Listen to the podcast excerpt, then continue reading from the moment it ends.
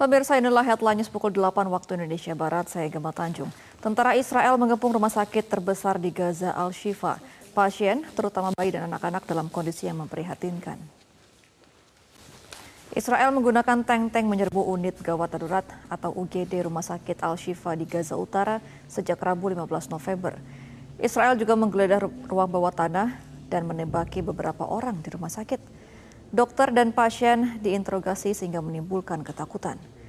Israel lalu memerintahkan dokter-dokter untuk keluar dari rumah sakit, tapi para dokter memilih tetap bertahan menjaga pasien. Israel berdalih kelompok kemerdekaan Hamas berada di rumah sakit dan ruang publik lainnya, meski alasan itu tidak terbukti. Akibat serangan Israel ke rumah sakit, pasien banyak tak tertangani. Rumah sakit Al-Shifa menampung 650 pasien dan 7.000 warga Gaza. 100 pasien di antaranya dalam kondisi yang kritis. PBB memperkirakan sedikitnya 2.300 pasien, staf dan warga sipil berlindung di kompleks Rumah Sakit Al-Shifa. Pada saat ini, anak-anak dan bayi di Rumah Sakit Al-Shifa kondisinya kian memprihatinkan.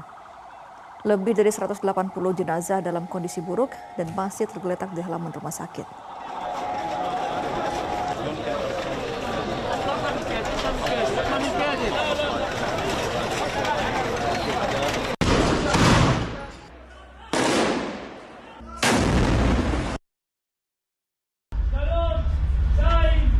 Jelajahi cara baru mendapatkan informasi. Download Metro TV Extend sekarang.